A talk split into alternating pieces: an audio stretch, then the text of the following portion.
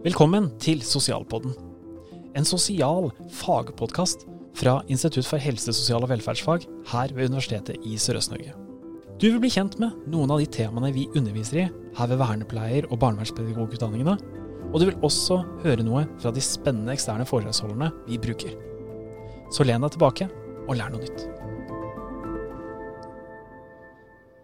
Hei og velkommen til eh, Sosialpodden. I dag så er det meg, Susanne Hagen, som skal snakke med professor Steffen Torp. Eh, vi er begge ansatt ved USN. Og i dag så er det den norske arbeidslivsmodellen vi skal ha i fokus. Stemmer ikke det, Steffen? Jo, jeg håper i hvert fall det. Ja, det skal vi prøve på, og vi gleder oss litt, for det her engasjerer. I hvert fall Steffen, og også meg. Men Steffen, fortell meg litt, hvorfor er du så opptatt av arbeid og den norske arbeidslivsmodellen? Altså Først og fremst så er jeg jo opptatt av, eh, av helse. Og i utgangspunktet så er det folke, nei, arbeidshelse, men også folkehelse, altså hele Norges befolkning. Og jeg mener at den norske arbeidslivsmodellen har stor betydning både for arbeidstakeres helse, men også da hele Norges befolkningshelse. Det er din påstand at arbeid og helse henger nøye sammen. Forklar litt det, Steffen. Ja, for det første så, så Før jeg begynner på det, kanskje jeg kan Nei, jeg kan, jeg kan si først at det vi veit, er at det å ha arbeid er gunstig for helse. Hvorfor det, da? Altså, det gir, For det første så gir det en sosial omgang, og det, det, er, det er, en plass hvor vi, hvor vi, har det bra sammen. Uh, I tillegg så det åpenbart at vi får penger som gjør at vi kan leve gode liv. Og, og også at vi dermed også bidrar til våre egne familiers Eh, velvære og helse. Ja, gjennom, gjennom, og levekår.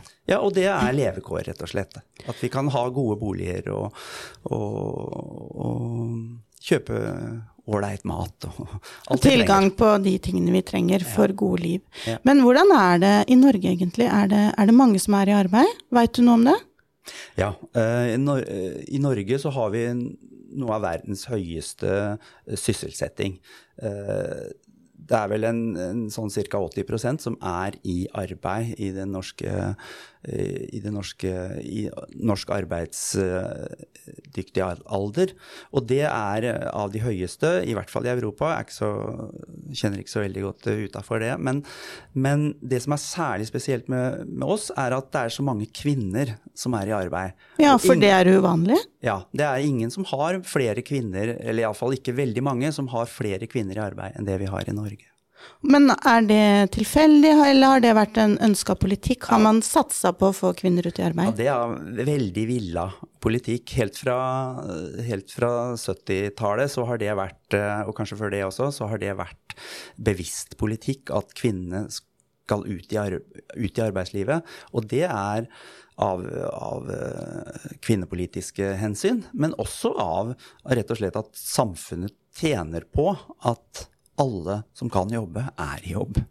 Er det litt av den eh, norske arbeidslivsmodellen, at eh, flest mulig ut i jobb? Det er det. Ja. Absolutt.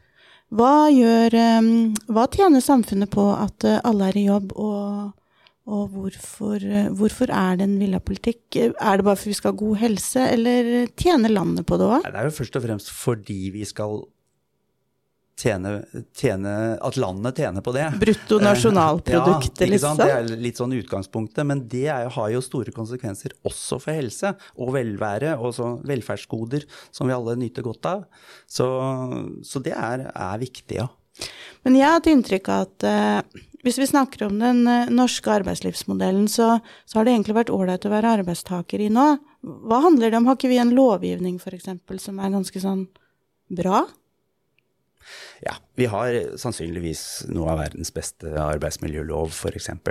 Men det er ikke bare arbeidsmiljøloven som sådan som bestemmer at vi har det relativt bra i, i, i, i Norge. Men kanskje jeg kan, Susanne, kan si noe om hvordan arbeid, norske arbeidstakere eh, opplever arbeidet sitt. Ja, for det er interessant. med andre land. Ja. ja for For igjen, Det er en, en, sånn stor europeisk undersøkelse som foregår i, i, i EU, men også an, en del andre europeiske land, bl.a. Norge da, gjennom EØS. Og, og i den undersøkelsen så, så, ser vi det for det første at uh, det er ingen arbeidstakere enn, som rapporterer at de trives bedre på jobb enn de som jobber i Norge. Og det er jo ganske fantastisk. Det er ikke det inntrykket kanskje du får når du snakker med folk om arbeid og sånn, men Nei, for da er det ofte litt sånn kos med misnøye. Ja ja, det skjer jo aldri noe ikke her heller. ikke sant. Ja, nettopp. Men, men, sånn er det rett og slett ikke, altså. Og, og det de er, er fornøyd med, det er kanskje ikke først og fremst det fysiske eh, arbeidsmiljøet. Hva er det eksempel? Egen, ja, altså Sånn stol og bord, og, og, at du må jobbe i vanskelige eller lette eh, arbeidsstillinger og, og, sånne ting. da, Tungeløft og ja. Så, så, det er ikke der. Der er vi sånn ganske lik, likt resten av Europa. Men det er på de forholdene som, som, handler om psykososialt arbeidsmiljø, og hvor vi også rapporterer god psykisk helse relativt sett i, i, i arbeidslivet. da. Så det du sier er at uh, vi som jobber i Norge, vi har også ganske god psykisk helse fordi vi trives? Ja, det kan du godt si. Uh, og så er det det at vi har når, vi, når det spørres hva er det egentlig med eh, Hva er det som gjør at du trives, så, så, er det det at vi har ganske stor selvbestemmelse på jobben. Og vi kan bl.a. ingen som er så fornøyd med å kunne tilpasse arbeidstida si i forhold til ditt eget behov, da. Så, så, en del sånne, sånne, ting. Vi har høye arbeidskrav. Altså vi, vi må jobbe mye. Vi, vi jobber minst like hardt som, som, andre. Men vi har mulighet for å kontrollere mange ting på jobben, og vi opplever at vi blir tatt på alvor. Da. Enten som enkeltpersoner, men også, og kanskje like viktig, at våre representanter, altså verneombud og tillitsvalgte og, og sånt, at vi, vi er med på å bestemme eh, relativt sett mye i bedriften, da. Da opplever jeg at vi egentlig snakker om at vi har en kultur for ganske bra arbeidsplasser, både gjennom lovgivning, som sier at man skal på en måte legges til rette for, man skal medvirke, og alle har et ansvar, men òg at på de enkelte arbeidsplassene da, så praktiserer man, kan vi kalle det type demokrati? Ja, det er bedriftsdemokrati vi nå snakker om, egentlig. Og det bedriftsdemokratiet, det er bra for den enkelte, men også for bedriften. Og litt sånn jeg forstår det, også for samfunnet. Ja, det, det er det. Eh, men da blir det spennende å spørre seg hvorfor har vi det sånn? Ja, hvorfor, hvorfor er vi Ja, vi har født med ski på beina, og vi har det kjempebra på jobb. Hva er det med Norge? Nei, så I Norge så, så er det det at vi har litt tilfeldig, kanskje, men, men, det kan godt hende det ligger litt i kulturen vår også. Det er at vi har, by, har jobba fram en, en, arbeidslivsmodell som virker som å fungere godt. Men hva er den modellen, egentlig? og den modellen, den har noen sentrale trekk. Og det for det første så har vi godt organiserte arbeidstakere, altså de er fagorganisert. Men vi har også godt organiserte arbeidsgivere. Men hva er en fagorganisasjon litt, egentlig? Ja, Det er der hvor, hvor arbeidstakere går sammen. Jeg for eksempel, jeg er uh, organisert i Norske Fysioterapeuters Forbund, jeg er utdanna fysioterapeut. Og, og vi, vi, går sammen om å, om å gjøre krav om hvordan vår faggruppe eller vårt yrke skal ha det i arbeidslivet, hva som er viktig for oss. Og så går vi inn i forhandlinger med arbeidsgivere om, om det, da. Er det litt sånn som man har hørt klubben, liksom? Ja, det er klubben. Ja. Mm. Men, men, klubben kan være for mange, ikke bare for de som jobber i fabrikk, sånn fra gammelt av, liksom? Det gjelder alle, det, egentlig, i norsk arbeidsliv. Så, så, har man en klubb. Det er bare at det kanskje ikke kalles klubben. Det var alle, mer i, i etterkrigstida, hvor man på en måte Ja, eller kanskje i industrien. Ja. ja. Mens i dag ser vi at f.eks. organiseringsandelen som er organisert, den er høyere f.eks. i staten enn i, enn i industrien. Da. Men så det er viktig, eller det kan se ut som det er viktig at norske arbeidstakere har vært organisert. Men du sa at bedrifter òg er organisert? Ja, så Arbeidsgiverne er organisert i sine organisasjoner igjen. Så NHO er jo den største norsk næringslivsorganisasjonen.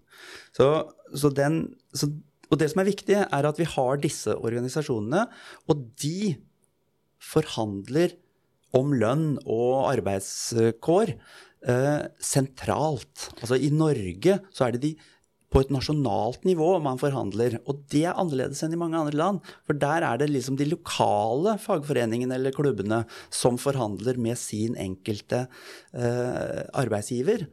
Mens i Norge så går det for alle arbeidsgiverne. Ja, Så det betyr at uh, det gjøres på et høyere nivå, sånn, og det gjelder alle. Sånn at uh, man er litt sikra uh, gode forhandlinger, da, fordi det er løfta til toppen, er det det du sier? Nei, eller at det, det er sånn at når, når f.eks. da Fysioterapeutforbundet forhandler øh, lønn for sine medlemmer, så gjelder det alle, uansett om du jobber, øh, jobber på et sykehus f.eks. I, i Oslo, Eh, eller et sykehus i Hammerfest. Altså, man får samme, samme, lønn. Og sånn er det for alle, og da har man det man kaller tariffavtaler. Altså som er gjeldende for alle over hele fjæra, og ikke bare i enkeltbedrifter. Og det betyr at da er det ikke opp til det enkelte gode fagforeninga eh, på de lokale nivåene hva de får til, men alle får det samme på en måte innafor den fagforeninga. Større likhet da, eller? Da blir, helt, da blir det større likhet. Og, og det er en viktig, viktig faktor eh, for, eh, for, å opprettholde et høyt eh, en, en, en, en høy, men allikevel realistisk eh, inntekt som kan gjelde for alle bedrifter. Ja, så man blir liksom litt på like fot, og er det ikke det som Er ikke det litt sånn typisk norsk òg, da? At vi liker å ha det likt, eller? Jo, det kan du si. Uh, at vi liker det, men annen, det gjør vi helt åpenbart. Men det liker de aller fleste mennesker. Men, men, i Norge så har det kommet har sikkert vært historisk sett veldig viktig, men, men gjennom nettopp denne arbeidslivsmodellen så har nok den oppfatning av at vi skal ha like kår, levekår, den den er et resultat av at vi faktisk har organisert arbeidslivet vårt og forhandlinger mellom arbeidsgivere og takere på den måten som vi har, da, faktisk. Så, ja. så likhet avler enda mer likhet, kan du si. Ja, og så har jeg, jeg vet ikke, men er det noe som heter sånn front... Eh, hva kaller front, du det? Frontfagsmodellen. Og gjør ikke det noe sånn at vi ikke får altfor høye lønninger òg? At, liksom, at det modereres litt, eller? Ja, det er sånn at eh, Frontfagsmodellen er også veldig viktig i denne sammenhengen. fordi da er det sånn at det er de bedriftene eller de bransjene som driver med utenrikshandel. Det er, det er, de som tjener pengene til landet. Det er de som forhandler først. Ja. Og da kan man ikke da, da, legges lista for hva disse bedriftene kan ha råd til å, gi lønninger. Og, og så rettes egentlig for oss andre som kommer etterpå, da, som den tredje sektor, som, som da gjerne eh, som, eh, som, må legge oss opp etter det hva landet har råd til. Vi får så, ikke lov til å få mer så, enn de som uh, forhandler med verden for øvrig, da. Riktig. Ja, sånn så det er også regulerende, eller bidrar til Det regulerer at vi ikke Unnskyld. Men det bidrar til at vi, vi ikke, ikke får kjempehøye lønninger i staten, f.eks. For det hadde vi ikke hatt råd til uh, når det er de som handler med utlandet, som faktisk tjener pengene til landet. Litt sånn bærekraftig tenkning, det her. Det er det. Man skal ikke ta ut mer enn det man får inn. Nei, riktig. Ja. Det er nettopp sånn. Ok, så, så, det handler om at vi er organisert, både giver og tager, da, arbeidstaker og arbeidsgiver, mm. og vi på en måte harmoniserer lønnsøkninga vår med verden for øvrig. Er det noe annet som gjør at uh, den norske arbeidslivsmodellen fungerer? Og at vi har relativt gode kår, da. Ja, altså Nå har jeg nevnt de tre viktigste. da. Det er dette med organiserte parter, det er sentrale forhandlinger, og det er denne frontfagsmodellen. Og så er det jo det som sikkert mange har hørt om, trepartssamarbeidet. Altså disse to partene, arbeidsgivere og arbeidstakere, de er i tett dialog med myndighetene.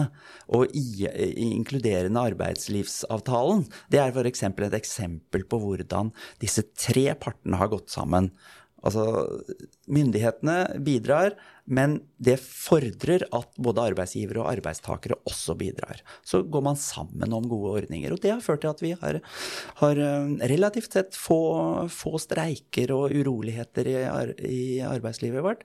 Og det er jo produktivitetsfremmende. Så vi har høy produktivitet i, i Norge. Vi er produktive. Vi, vi, vi, står på, og vi får det rett og slett godt til. Vi er konkurransedyktige. Wow, det her høres jo veldig bra ut, men er det noe som kan true det systemet her, eller har du noen bekymringer, Steffen, rundt den norske arbeidslivsmodellen? Ja, det har jeg.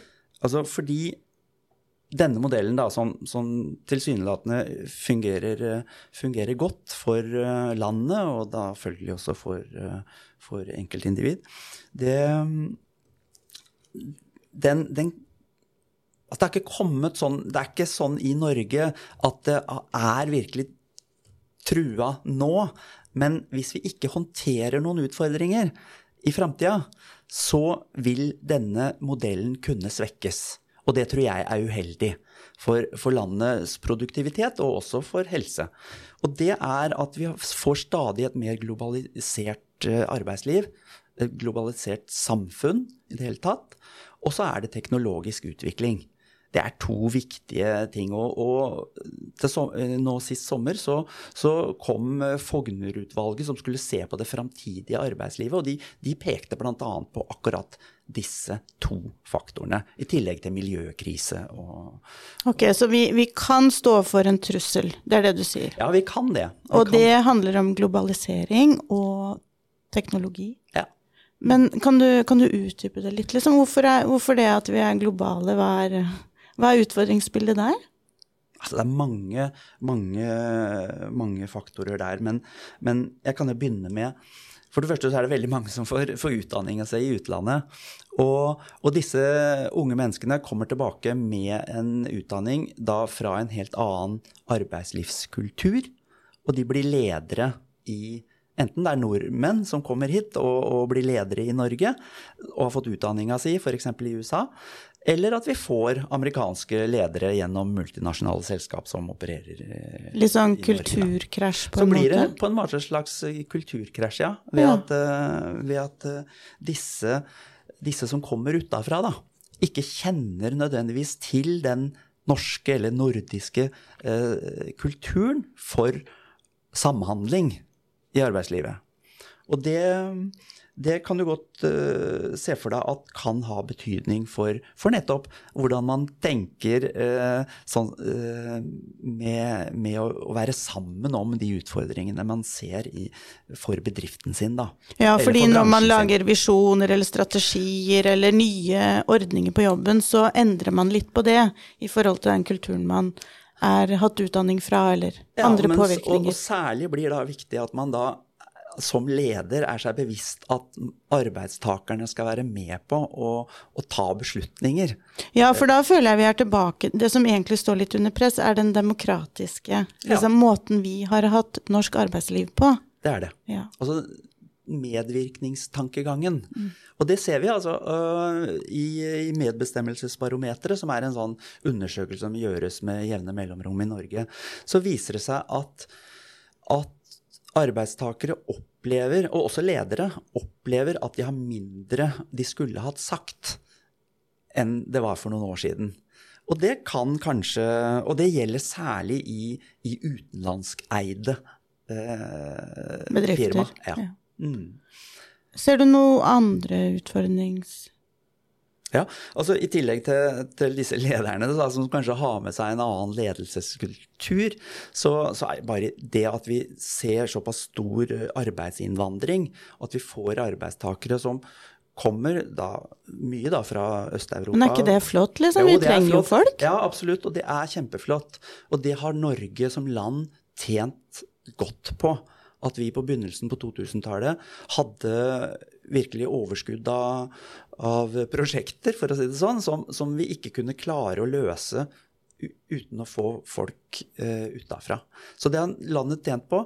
Men det skaper noen utfordringer ved at vi leier inn folk som kommer også fra en annen arbeidskultur, og som også ofte har hatt lav utdanning og er dårlig organisert, og dermed tilbyr på en måte arbeidskraften sin til en billigere penge enn det vi har gjort i Norge.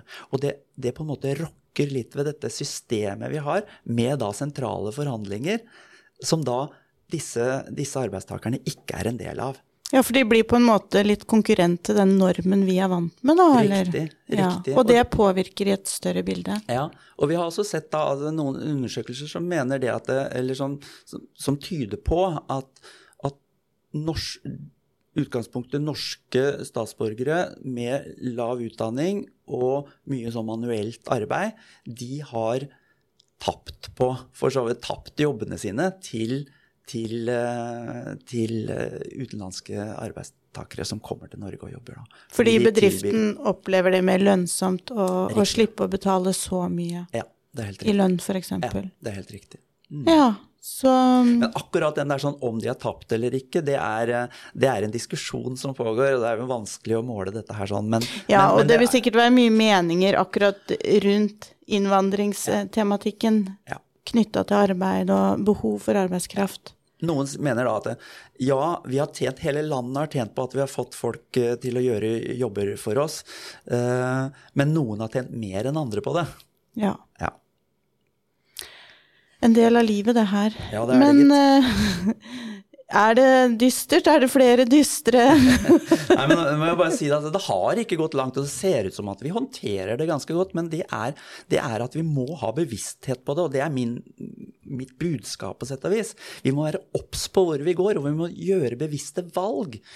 Men du sa litt om teknologi òg, Ja, men jeg har, kan jeg få lov å ta noe før vi Ja, kommer til teknologi? Ja, kjempe. Jeg- Det her er veldig spennende. fordi det er altså en, en, en trend med at vi eh, Som kom på 2000-tallet, og som også er en del av en sånn Kanskje ikke direkte av globaliseringa, men en, en, en, en trend innafor eh, måten man tenker globalt. Og det er bruk av bemanningsbyrå. Ja, sånn jeg skjønner. Som har vært forbudt i Norge helt fram til ca. 2000. Ja. eh, fra 70-tallet. Eh, og, og, og Hvorfor var det forbudt? Nei, fordi det, det, det skipla litt denne ordningen med, med disse forhandlingene. Og, og partenes eh, eh, De passa ikke inn helt i systemet, da. Nei. Og skipla det. det var, utgangspunktet var det arbeidsgiverne som var skeptiske til å bruke bemanningsbyrå. Da. Sånn er det ikke i dag. Nå, vil, nå er det gjerne arbeidsgiverne som vil benytte bemanningsbyrå. Da. Og, og grunnen til å, å bruke bemanningsbyrå, det er, er bl.a. at det kan virke eh, fleksibelt for bedriften. Da. At man kan ta inn folk når man ser at nå er det en arbeidstopp, og så kan man ja, la være å ha dem når man er nede i en bølgedal i en periode på året f.eks. hvor man ikke har så mye arbeid. Da. Men du ser at det kan også være en trussel da, til den norske Ja, arbeidslivsmodellen. så- ja fordi, fordi det er eh, De ligger liksom litt utafor dette med å ha faste ansettelser. Og det er, også veldig høyt i Norge, da. At vi, at vi Det å ha en fast jobb, det er veldig, veldig viktig for opplevelsen av å kunne se framover. Ja, for det jeg har hørt det vi kaller for jobbsikkerhet, da, er liksom en veldig, veldig viktig faktor for ikke å oppleve stress i livet. Stemmer ikke For det, eksempel. Steffen? Ja, nettopp. Nettopp. Det er det, det som skjer, at den tryggheten å vite av at du har en jobb å gå til, det, det, det i seg sjøl er, er helsefremmende. Men da er det kanskje litt sånn at uh, det ligger et sånn verditenkning, da, som ikke passer inn i den verditenkninga vi har hatt. Ja, det kan du kanskje si, og jeg tviler på at bemanningsbyråene vil si at, det, det, at de, de har noe dårligere verdier enn andre. Det, sånn er det ikke. Men, men problemet er at, at, at vi Systemet har vært bygd rundt at man, at man har 100% stilling og fast stilling og, og den er med et eh, strengt eh, eh, vern for å bli sagt opp. Mens da denne med bemanningsbyråer det, og innleie av, av arbeidstakere da, i kortere perioder, de som, det, det skipper litt systemet. Og de som også er, en del, som er ansatt i disse, disse bemanningsbyråene, de, de kan ha også oppleve denne usikkerheten av å, å, å, ha jobb. Da. Tidligere, så var det, helt fram til 2019, så var det noe som het nulltimerskontrakter. Og det, og det var um, sånn at man, man var på en måte ansatt, men man fikk ikke lønn. Ansatt i bemanningsbyrået, men man fikk ikke lønn annet enn Når du ble Når benytta. du ble Du sto klar, men uh, Ja. det var ikke noe penger å få. Nei. Og det var noe som fagforeningene var veldig, veldig imot, og som, som, eh, som blei ble fastslått at var forbudt. Med veldig knapt flertall i, eh, i, Stortinget. Jeg mener det var i 2019. Men det er jo et veldig godt eksempel på hvorfor det er viktig å jobbe for jobbsikkerhet, eller også sikkerhet i forhold til inntekt. Absolutt. Absolutt. Men eh, ja, det er jo noen utfordringsbilder her. Jeg, jeg ser den. Jeg, bare, I tillegg så er det dette med midlertidige uh, Du og jeg, vi jobber jo på universitetet. Ja, vi er jo litt kjent med midlertidighet. I hvert fall, hvert fall jeg. Ja, ikke sant? Og Kanskje det, ikke du? Jo da, nei, ja, jeg har vært det, jeg også. Uh, og, og, da var det sånn at du var ansatt i, i, i midlertidige kontrakter i forhold til at du var ansatt knytta til et prosjekt som var tidsavgrensa. Og så fikk du, øh, fikk du måtte, jobb i den, den, korte perioden. Og så kanskje du, du, blir sagt opp, eller du mister jobben i, i noen måneder. Og så blir du hyra inn til en ny jobb. Uh, men det er veldig usikkert. Så, sånn, og det, all, denne, denne, det, er en kjent midlertidige ansettelser er en kjent konfliktsak uh, i norsk arbeidsliv i mange mange år. Men, men det er uh, det er uh... Det forstyrrer på en måte litt den balansen, da, at både arbeidstaker og arbeidsgiver skal ha en viss trygghet. Fordi arbeidsgiver òg skal jo ha en trygghet til å ha liksom en økonomi som går rundt, og, og, og liksom kunne sørge for behovene sine. Men, men, for at samspillet skal være godt, så skal både taker og giver ha det godt nok, og, og kanskje bra. Det er litt det det handler om. Det er det det, er det handler om. Men, Men det er den framtida Det er det liksom for, Sett fra arbeidstakersida, det er å, å, å å være trygg på at du har en inntekt i framtida. Mm. Og den er så viktig. Det ligger liksom litt under. Ja, for er det ikke sånn at hvis man eh, veit at man har tilgang på ressurser, så er man også litt mer risikovillig på den måten. Man lever litt mer, da. Man holder ikke igjen, liksom. Man er, og da er man i det samfunnsmaskineriet. Ja. Men jeg er litt nysgjerrig på det med teknologi nå, ja, Steffen. Ja. For det, det omgiver jo også Det øker jo bare på. Gjør det ikke? Nei, jo, absolutt. Absolutt. Vi, det veit vi jo alle. Eh, at uh, teknologi påvirker oss. Men det som er at uh, vi har alltid vært redd for teknologi for øvrig. Ja, altså, selv om jeg har lært at selv en blyant var en teknologi en gang. ja, ikke sant? Nettopp. Sånn at, det, at vi, det har vært en skepsis til at nå kommer det til å gå til helvete fordi vi har fått Hysj, vi er på podkasten! men, men det er og, og sannsynligvis så kommer dette her til å gå fint nå også, men det er ikke helt sikkert. For nå ser vi en, en voldsom revolusjon innenfor teknologi. Og vi, vi ser at mange, arbeids, mange, mange typer arbeid blir erstatta av at vi digitaliserer og automatiserer, da. ja, det, nå kommer liksom de robotene vi leste om i bøker, ja, det kan du godt som virka veldig rart. Men, men, det er jo som du sier, automasjon. At vi automatiserer og tar det vekk fra menneskelig gjøren, da. Ja, det som er litt, eh, er litt bekymringsverdig i forhold til når vi starta med den norske modellen, arbeidslivsmodellen? Og det, det, er det at det er veldig mange hva skal jeg si, en lavere middelklasse som var veldig godt organisert. De mister jobben pga. denne automatiseringa og, og digitaliseringa. Og da er det mange som da går ut og som ikke er organisert lenger. Det er en bekymring der. Ja, for det er mange som ikke er fagorganisert, og da har de heller ikke noe arena å liksom eh, være i dialog med arbeidsgiver, da? Er det litt det du sier? Ja, det kan du iallfall si. De er ikke en del av de sentrale forhandlingene hvis de ikke er, er, er med. Er med. Mm. Og, og, men selvfølgelig så er det sånn at ofte så er det de som ikke er organisert, de får veldig ofte det samme i lønn som de som er organisert. Fordi det er skikk og bruk, på en måte? Fordi ja. vi er ordentlige? Ja, og det er, eh, det er eh, tariffavtaler som, som gjelder eh, på en måte i norsk arbeidsliv. Men, men, men, men, det som er, er at det, disse sentrale forhandlingene de må ha legitimitet. Og da må det være mange som er organisert, som står bak de resultatene man får gjennom de forhandlingene. Ja, for er ikke det handler ikke om tillit? Vi tror på systemet vi har valgt å ha, og vi støtter opp under. Ja, nettopp. Og, det, og, hvis du ikke har tillit til de som har forhandla, så, så vil det, vil det, på en måte i lengden ikke fungere, da. Så, så, så, det er viktig å opprettholde en stor andel som er organisert, for at det da har legitimitet, og, og, og gjennom det avler tillit. da. Ok, så med teknologisk utvikling så blir på en måte eh, også arbeidsoppgaver endra, og i den fasen så er det viktig at man også står litt sammen, fordi arbeidsoppgavene skifter. Er det derfor teknologien er utfordrende, eller? Nei, altså, jeg, teknologien eh, Utfordringen ved teknologien er først og fremst, sånn som jeg oppfatter det i hvert fall, så er det det at vi, vi vi, eh, vi mister uh, arbeid, uh, arbeid, altså en type arbeidsoppgaver som, som, tidligere da har vært en del av dette systemet, først og fremst. Og nå går de til andre steder hvor man da ikke er organisert. Og, og da, da, er jeg redd for at man kan, kan miste denne Eh, legitimiteten da, til, til, de sentrale forhandlingene. Men Steffen, tida nærmer seg avslutning. Men har du noe Vi har snakka om utfordringer. Vi har forklart hva arbeidslivsmodellen er, og snakka om utfordringer. Men har du noe håp, eller har du noe Hva skal til for at eh, det ikke blir fare, fare, krigsmann? Hva skal til?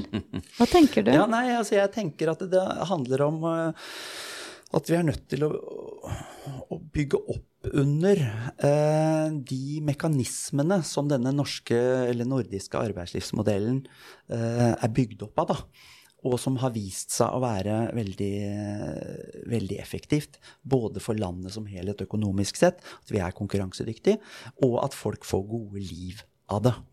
Og det, det, det handler om å opprettholde, opprettholde kjernen i dette her er organiserte parter. Og den nye regjeringa nå har bl.a. Gjort, sånn, gjort det veldig klart at de ønsker å få opp andelen som er organisert. Og jeg tror det er en fornuftig politikk. Og Det samme er, gjelder også å se på disse ordningene med midlertidige ansettelser og innleie og, og sånne ting. Det er også, jeg er ikke sikker på om, om man skal forby det, f.eks., men det kan være aktuelt, det også. Men, men, men jeg er redd men vi må være obs på hvordan det fungerer, i hvert fall. At, fordi det er fast ansettelse i 100% stilling skal være på en måte normen. Fordi det er gunstig, forutsigbart for, for, for de aller fleste de mennesker. Aller fleste mennesker ja. Så i summen så handler det om å se det store bildet. Alt påvirker alt. Og det å ha demokratiske prosesser som gjør at det både giver og taker har det bra. Da vil vi både få høy produktivitet i landet, for det er viktig. Og så får vi muligheter for gode liv som gir god helse. Og hva var det vi startet Eller du nevnte ganske tidlig at man er veldig fornøyd på jobben, og det er man opptatt av. Ja. Vi er fortsatt opptatt av at uh, norske arbeidstakere skal være veldig fornøyd på jobben. Ja, det er vi. Men jeg har lyst til å, å Ja, du får siste ordet, Steffen. Ja, det, det, som er viktig å, i denne sammenheng, det er ikke bare arbeidstakernes helse som er viktig her. Altså det, denne, denne uh, arbeidslivsmodellen den forebygger sosiale ulikheter i, i, samfunnet vårt. Og sosiale ulikheter, eller sosial likhet, som vi begynte å snakke om, det er viktig for tillit. Tillit mellom mennesker, og tillit mellom mennesker og de som bestemmer. Altså, og du hadde ikke Vi kommer til å lage en podkast om det òg. Sosial ulikhet og arbeidsliv. Ja, veldig gjerne. Det blir spennende. Men, men, men, da, altså denne tilliten har stor betydning for, for helsa til arbeidstakerne, men den har like stor betydning også for folk flest, altså for folkehelsa. Og det uh, syns jeg det er veldig viktig å understreke. Det arbeidslivets betydning for folkehelsa, dvs. Si for alle de som ikke er i arbeidslivet også. Så kjære lytter, følg med neste episode. Arbeid, folkehelse, tillit og likhet i helse. Takk for oss. Tusen takk, Steffen. Takk skal du ha.